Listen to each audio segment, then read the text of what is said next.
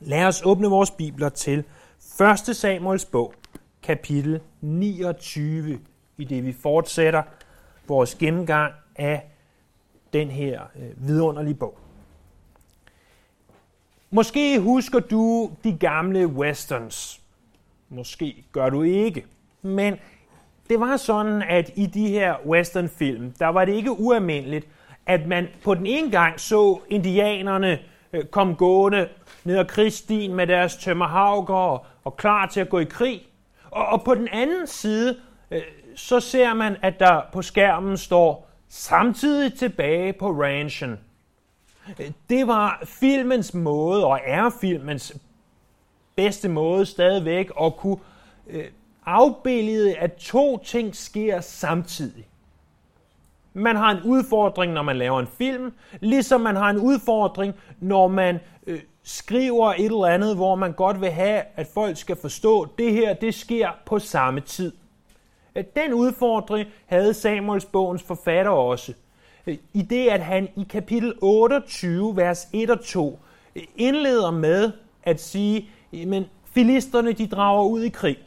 Og så i vers 3, der skriver han så, at nu er filistrene kommet frem til, hvor de skal gå i krig, og Israel er draget derhen, og nu står de sådan set klar til at være i krig.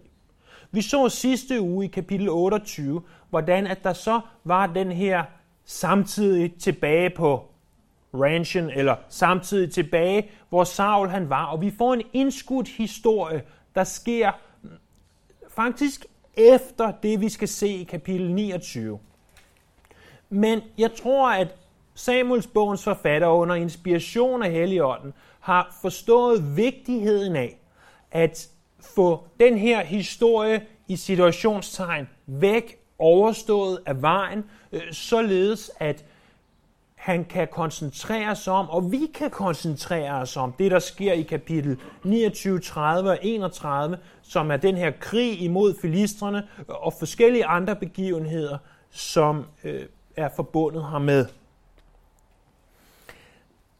Vi får så i kapitel 29 beretning om, da filistrene drager afsted i krig, og David drager med dem, og David han ikke får lov til af filistrene at gå med i krig, og hvordan han i Guds barmhjertighed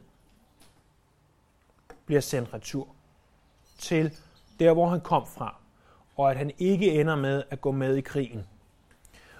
Vi ser to ting. I vers 1-5 ser vi, at David han er uønsket i filistrenes hær. Og i vers 6-11 ser vi, at han er uforstående over for filistrenes ønske. Så altså vers 1-5, han er uønsket i filistrenes hær, og i vers 6-11, han er uforstående over for filistrenes ønske. Lad os først læse øh, vers 1-5 sammen. Filistrene samlede alle deres tropper i Afek. Mens israelitterne så lejret ved kilden i nærheden af Israel, Filisterfyrsterne rykkede ud med deres afdelinger på 100 og på 1000, og til sidst kom David og hans mænd sammen med Akish. Da sagde filisternes feltherre, hvad skal de hebræere her? Akish svarede dem, det er jo David, som var i tjeneste hos Israels konge Saul. Han har været hos mig år og dag, og jeg har ikke haft noget at udsætte på ham, siden han faldt fra Saul. Men filisternes feltherre blev vrede på ham og sagde til ham, Send den mand tilbage til det sted, du har indsat ham over. Han skal ikke drage i felten sammen med os og falde os i ryggen under kampen. Hvordan kunne han bedre opnå sin herres gunst, end ved at bringe ham hovederne af de mænd her? Det er jo den David, man sang om i dansen. Saul har dræbt sine tusinder, men David sine ti tusinder. Vi ser først, at filistrene de er samlet i Afek. Vi har tidligere hørt om den her by Afek. Det gjorde vi helt tilbage i kapitel 4, i det at filistrene de ved Afek to pagtens ark.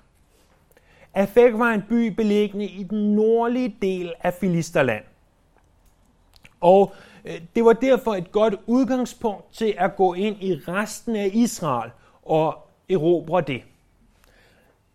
Vi ser samtidig, at Israel nu allerede står ved øh, kilden ved Israel. Vi er ikke 100% sikre på, hvor det er, men efter vores bedste overbevisning, så er det øh, det samme sted, som Gideon stod. Dengang du måske husker, at han havde alt for mange mænd til at kæmpe, og så skulle han have lidt færre, og til sidst så øh, skulle de drikke af bækken. Det var ved Harods kilde. Derudover så ser vi, at det er alle tropperne, der drager afsted. Alle filistrenes tropper. Vi ved godt, at når der står alle, så betyder det ikke, at, at selv de, der var syge og manglede et ben og en arm, at de nødvendigvis drog afsted. Men, men så at sige alle, alt hvad de kunne samle af kampdygtige mænd, de drog ud. Måske husker vi også, eller også så minder jeg om det nu, at filistrenes område bestod ikke bare af Gat, hvor David opholdt sig, eller hvor David havde øh, en forbindelse til. Men filistrenes område bestod af fem bystater.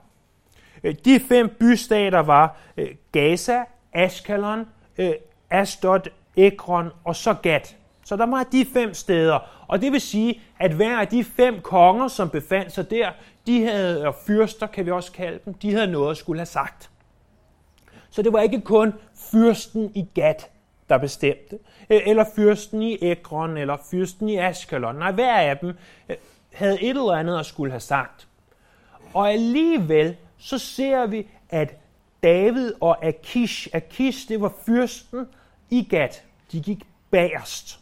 Så først der kom nogle grupper på 1000 og grupper på 100 og måske en til gruppe på 1000 og måske en til gruppe på 100. Og, og der har de marcheret, marcheret afsted, øh, gjort klar til krig, stillet op klar til kamp imod Israel, imod Saul. Men til sidst kommer David og Akish. Akish har tilbage i kapitel 28, vers 1 og 2, gjort David til sin livvagt. Og Kis placerer sig bagerst. Det hebraiske ord, der bruges for bagerst, det er også et ord, vi møder tilbage i kapitel øh, 33, vers 2 af 1. Mosebog. Det er historien om, hvor Jakob han har været i Padan Aram, og nu har han endelig fundet ud af, at han ikke skal være sammen med Laban, så han tager sine to hustruer og sine to medhustruer og drager sydpå. Men i det, han drager sydpå, øh, så kommer Øh, hans øh, bror Esau nordpå. Og hvis du husker bare lidt af historien om Jakob og Esau, så var det jo Jakob, han snød sig til første fødselsretten. Og øh, det var Esau selv sagt ikke særlig øh, glad for, og Jakob tænker, når, når vi kommer, og Esau kommer, så vil han slå os ihjel. Øh, flink og behagelig en mand, som Jakob nu var, så tog han de hustruer og de medhustruer, han syntes mindst om, og satte forrest. Og, og så synes han lidt bedre om, og lidt bedre om, og til sidst står der så, kom Rakel og øh, Josef. Og øh, de gik bagerst, står der. Hvorfor? Fordi at når Esau kom og begyndte at hugge folk ned, så kunne han håbe, at Esau blev træt af at hugge folk ned, så at Rakel og øh, Josef de blev øh, skånet. Derfor satte man typisk folk bagerst.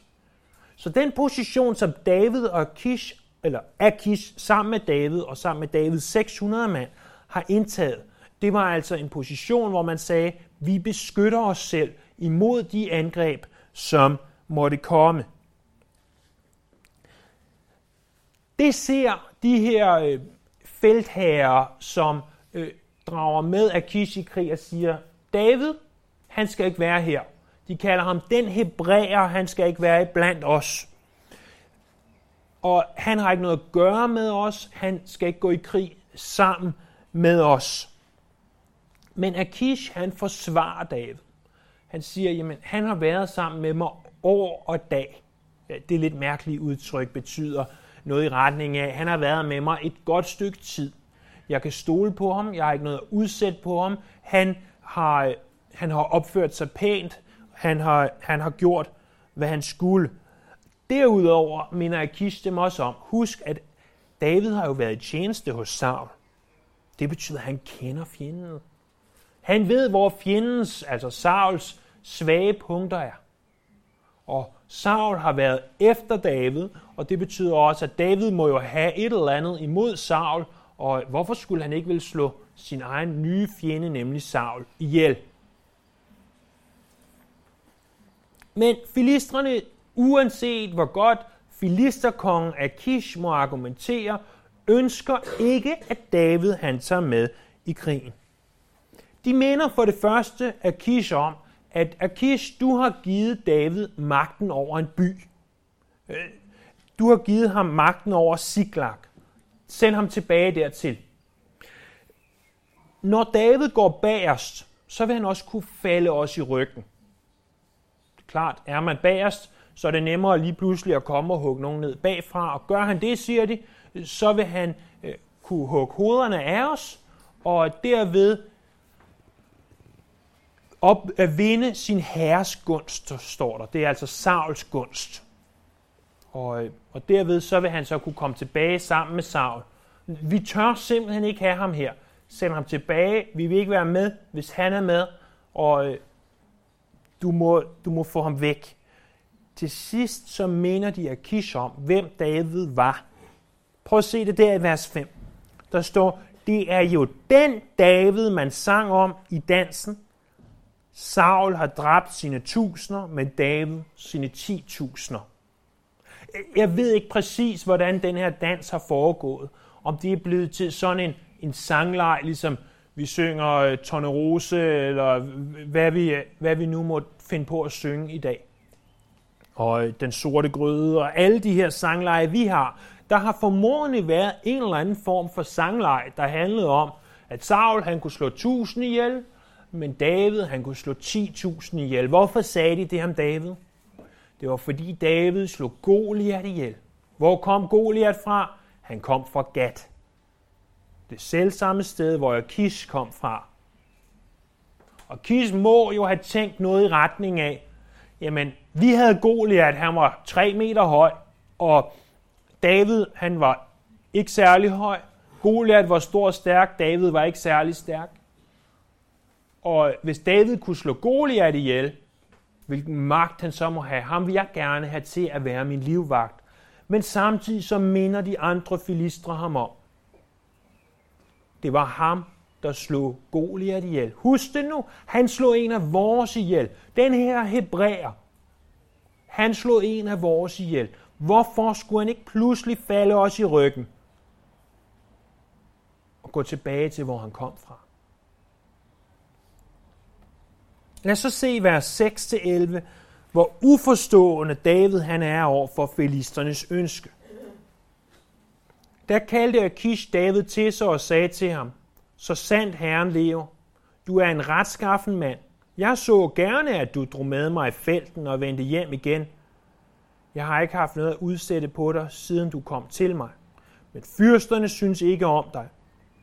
Tag derfor tilbage i fred, så du ikke gør noget, filistrenes fyrster ikke synes om. Jamen, hvad har jeg da gjort, spurgte David af Kish. Og hvad har du haft at udsætte på din tjener fra den dag, jeg trådte i din tjeneste, siden jeg ikke må kæmpe mod min herre kongens fjender? Kish svarer David, det står fast, at du i mine øjne er lige så meget værd som en Guds engel, men filistrenes feltherre har sagt, han må ikke drage i felten med os. Gør dig nu klar i morgen tidlig sammen med din herres mænd, der har fulgt dig, Gør jeg klar og drage afsted i morgen tidlig, så snart det bliver lyst. Tidligt næste morgen tog David og hans mænd afsted og vendte tilbage til filistrenes land.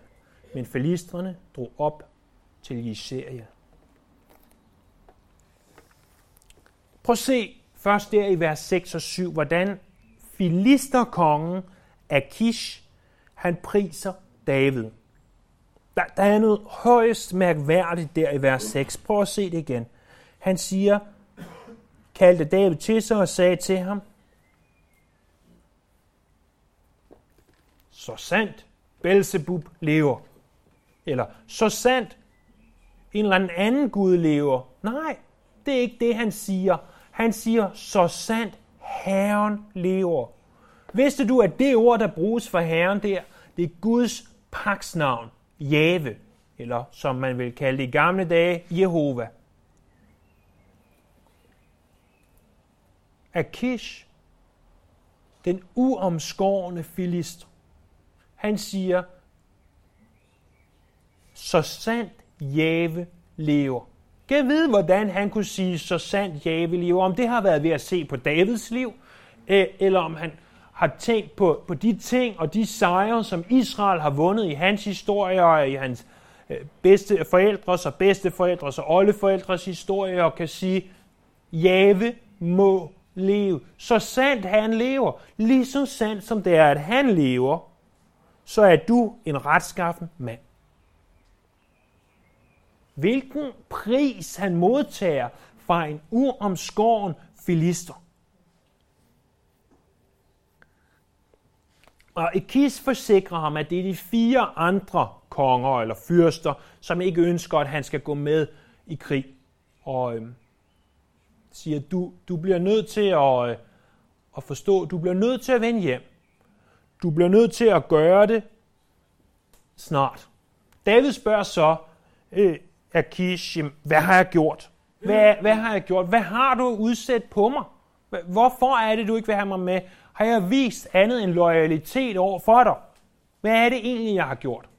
Hvad Akish ikke vidste, var, at David havde vist alt andet end loyalitet over for den her filisterkong.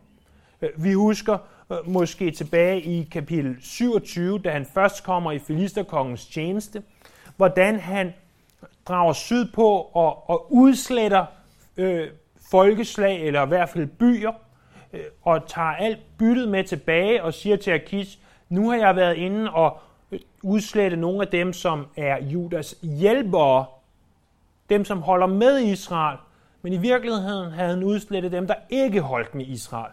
Så David havde i lang tid gået og løjet over for Akish, men Akish troede, ham her, han, han er på min side, ham her, han vil mit bedste. Og det var det syn, som Akish havde på ham. Og David smiger ham også der i vers 8. Han siger, min herre, kongen. Akish siger, det er rigtigt, du har ikke gjort noget. Og Akish, han fortsætter med at prise ham. Og prøv at se videre der fra vers 9, at du er lige så meget værd som en Guds engel. Jeg ved ikke, hvad en Guds engel er værd. Men jeg ved, at, at vil nogen af os møde en Guds engel, så vil vi agte den højt. Så vil vi sige, hold dig op, du må være meget værd. Og i Akis øjne, der, du er lige så meget værd som en Guds engel. Du har stor værdi. Jeg minder dig om, siger Kis, det er feltherrene, der ikke vil have dig med i krig. Det er ikke mig. Jeg vil gerne have dig med i krig, men feltherrene vil ikke. Men vil du ikke nok, siger han til David, vær sød, bare drag tilbage. Lad være med at blive sur over, øh, øh, blive rasende over, at de ikke vil have dig med i krig, fordi øh, det kan der ske alt muligt forfærdeligt ved. Jeg ved godt, at du kan flippe ud, og du kan gå ind, og du kan begynde at slå folk ihjel øh, på baggrund af det her. Så kan du ikke bare tage tilbage i morgen tidlig. Ikke i morgen formiddag, ikke i morgen eftermiddag, ikke i overmorgen, i morgen tidlig. I morgen tidlig, i morgen tidlig, i morgen tidlig. Tag nu tilbage i morgen tidlig. Vil du ikke nok være sød at tage tilbage i morgen tidlig? Han bliver ved. Han bliver ved med at sige, det, det skal være i morgen tidlig. Og det gør David. David drager op, tager tilbage næste morgen tidligt med sine mænd, tilbage sydpå til Siklag, til den by, han øh, bestemte over, der lå i filisternes område. Og øh, det skal vi høre mere om, hvad der sker næste gang. Og derimod så drog filisterne nordpå mod Israel og mod den krig, som de skulle til at drage i imod Israel. Vi ser to ting i det her kapitel, som er vigtige sandheder, som du og jeg kan tage med os herfra i dag. Den første, det er, det er så sørgeligt, når filistrene har højere tanker om Guds børn, end de selv har. Det er så sørgeligt, når filistrene har højere tanker om Guds børn, end de selv har. Prøv at se med mig igen der i vers 2. Der så vi, at David han er blevet givet en fremtrædende position af Akish. Det viser, at Akish han respekterede David. Øh, vi ser i vers 3, at de andre filister, de anser ham for at være en hebræer. Måske havde David selv glemt, hvad han var. Måske havde David glemt, at jeg er hebræer. Men filisterne havde ikke glemt, at han var hebræer. Måske sidder du her i morgen, her til morgen og har glemt, at du er et Guds barn. At du tilhører Herren Jesus.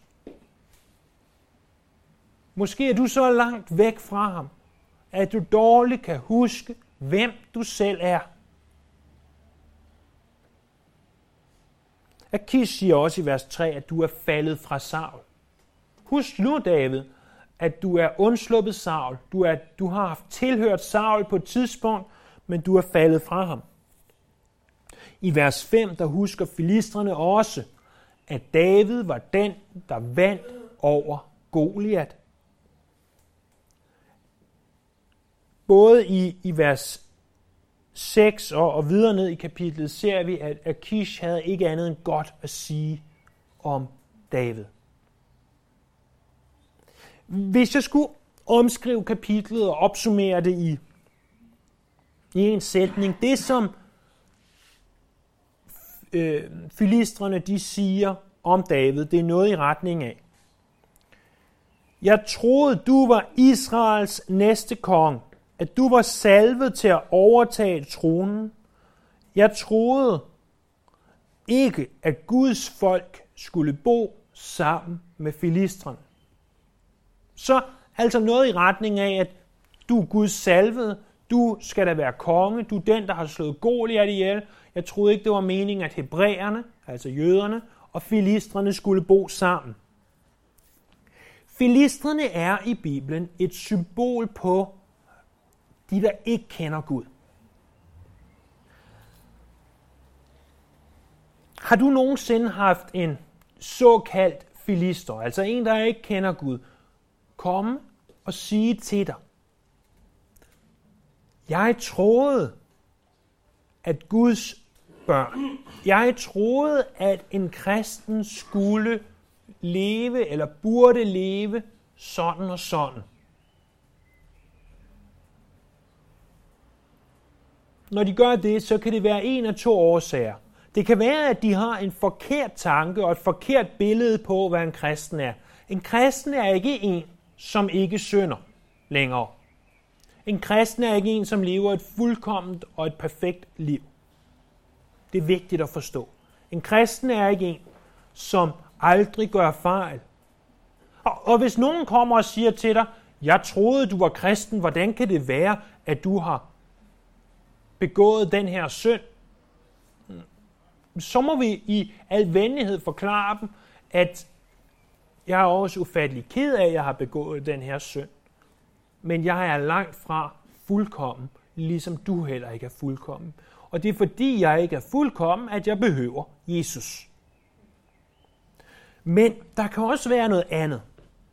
Der kan være, at sådan en filister, en der ikke kender Herren, kommer og siger til dig, jeg troede ikke, at det var meningen, at Guds børn eller at kristne skulle gøre, og så det, de så måtte sige.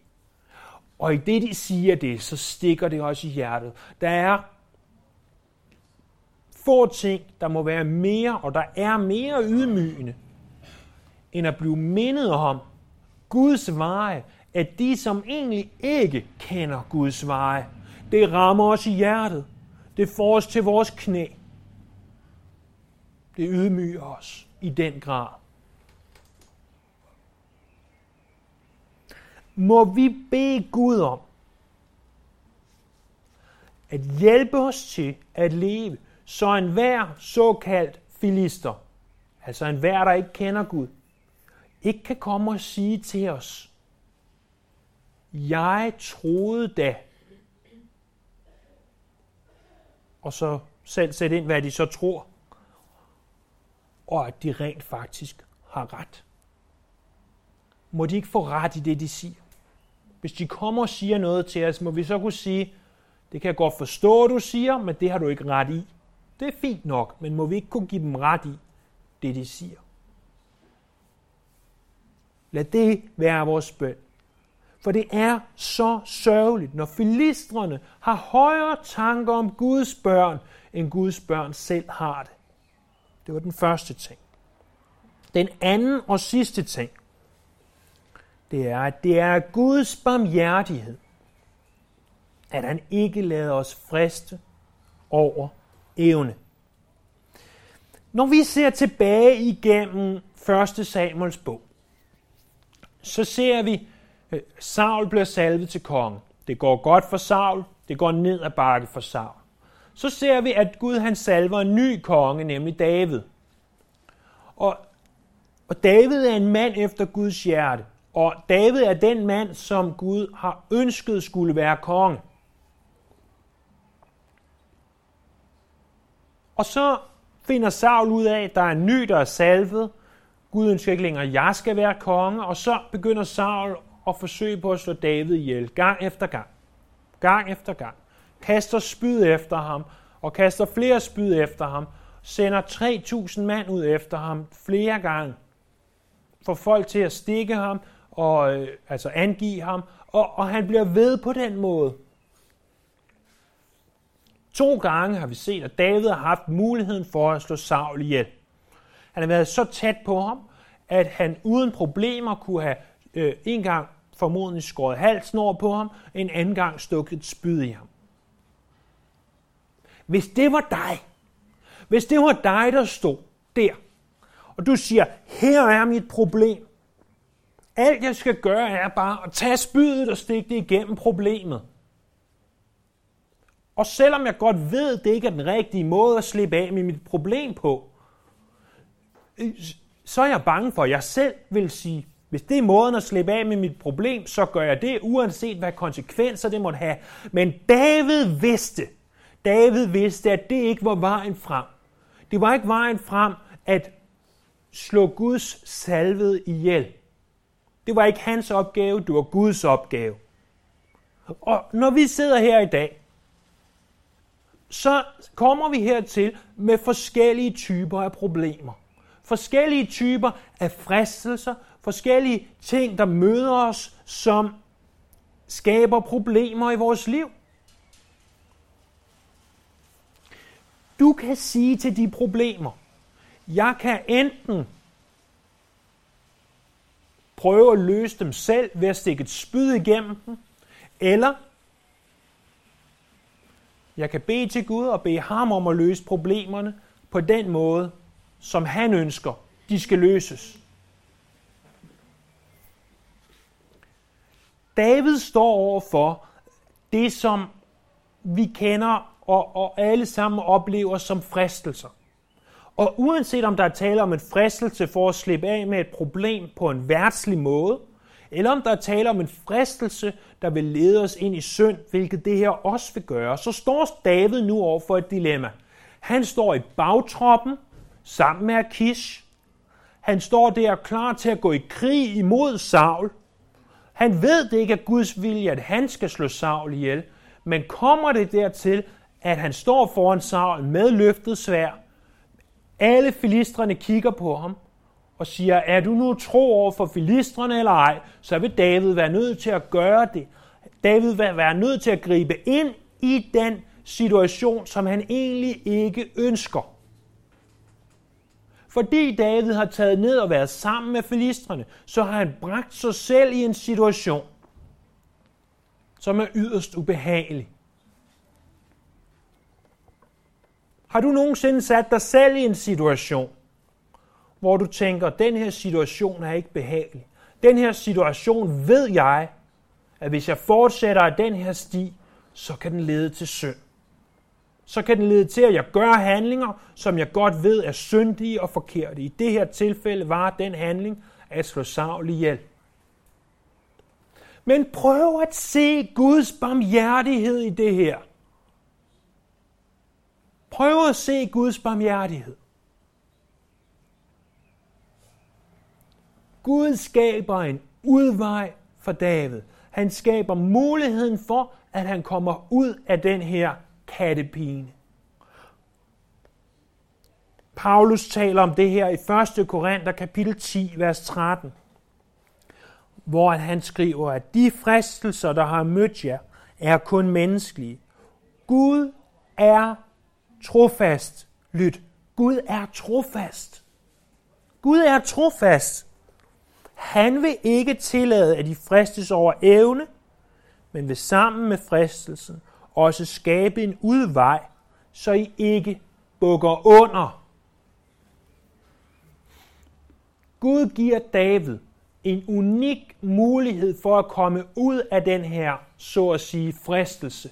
Komme ud af den her problemstilling, der kunne lede ham til synd. Når du oplever fristelse i dit liv, uanset hvad form fristelsen måtte tage, så lover Gud os, at han altid skaber en udvej. I Davids tilfælde, der var udvejen rimelig åbenlys. I Davids tilfælde øh, blev han næsten sparket væk derfra. Der sagde filisterne, vi vil ikke have noget med dig at gøre, du skal tage væk. Det var den udvej, som Gud skabte for David. Det er ikke sikkert, at den udvej, han skaber for dig, den er nær så tydelig. At den er nær så åbenlys. Men vi har i et løf, fra et løfte i Guds ord, et løfte om, at han altid skaber en udvej.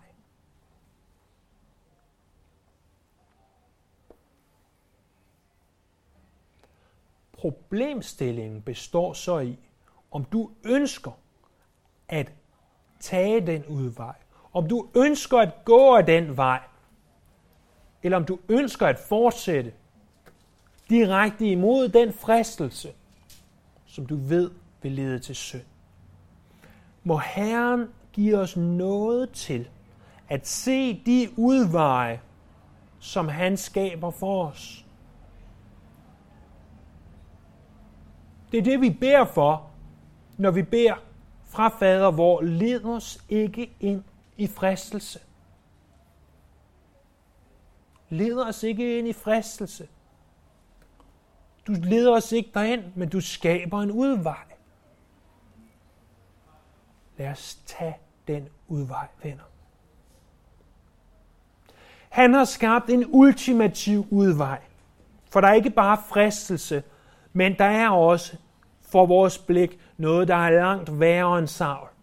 Noget, der er langt værre end den synd. Det er evig død, adskilt fra Gud. Og der har han også skabt en udvej. Han har skabt en udvej, så vi ikke behøver at gå døden i møde med frygt. Men i stedet kan vi gå den i møde, velvidende at Gud har skabt en udvej. Den udvej hedder Jesus Kristus som korsfæstet og opstanden. Og ved troen på ham, det er måden, hvorpå vi tager den udvej. Lad os bede Herren om at gøre de her ting klare for os. At vi må forstå, at vi må leve efter. Det må blive virkeligt i vores liv.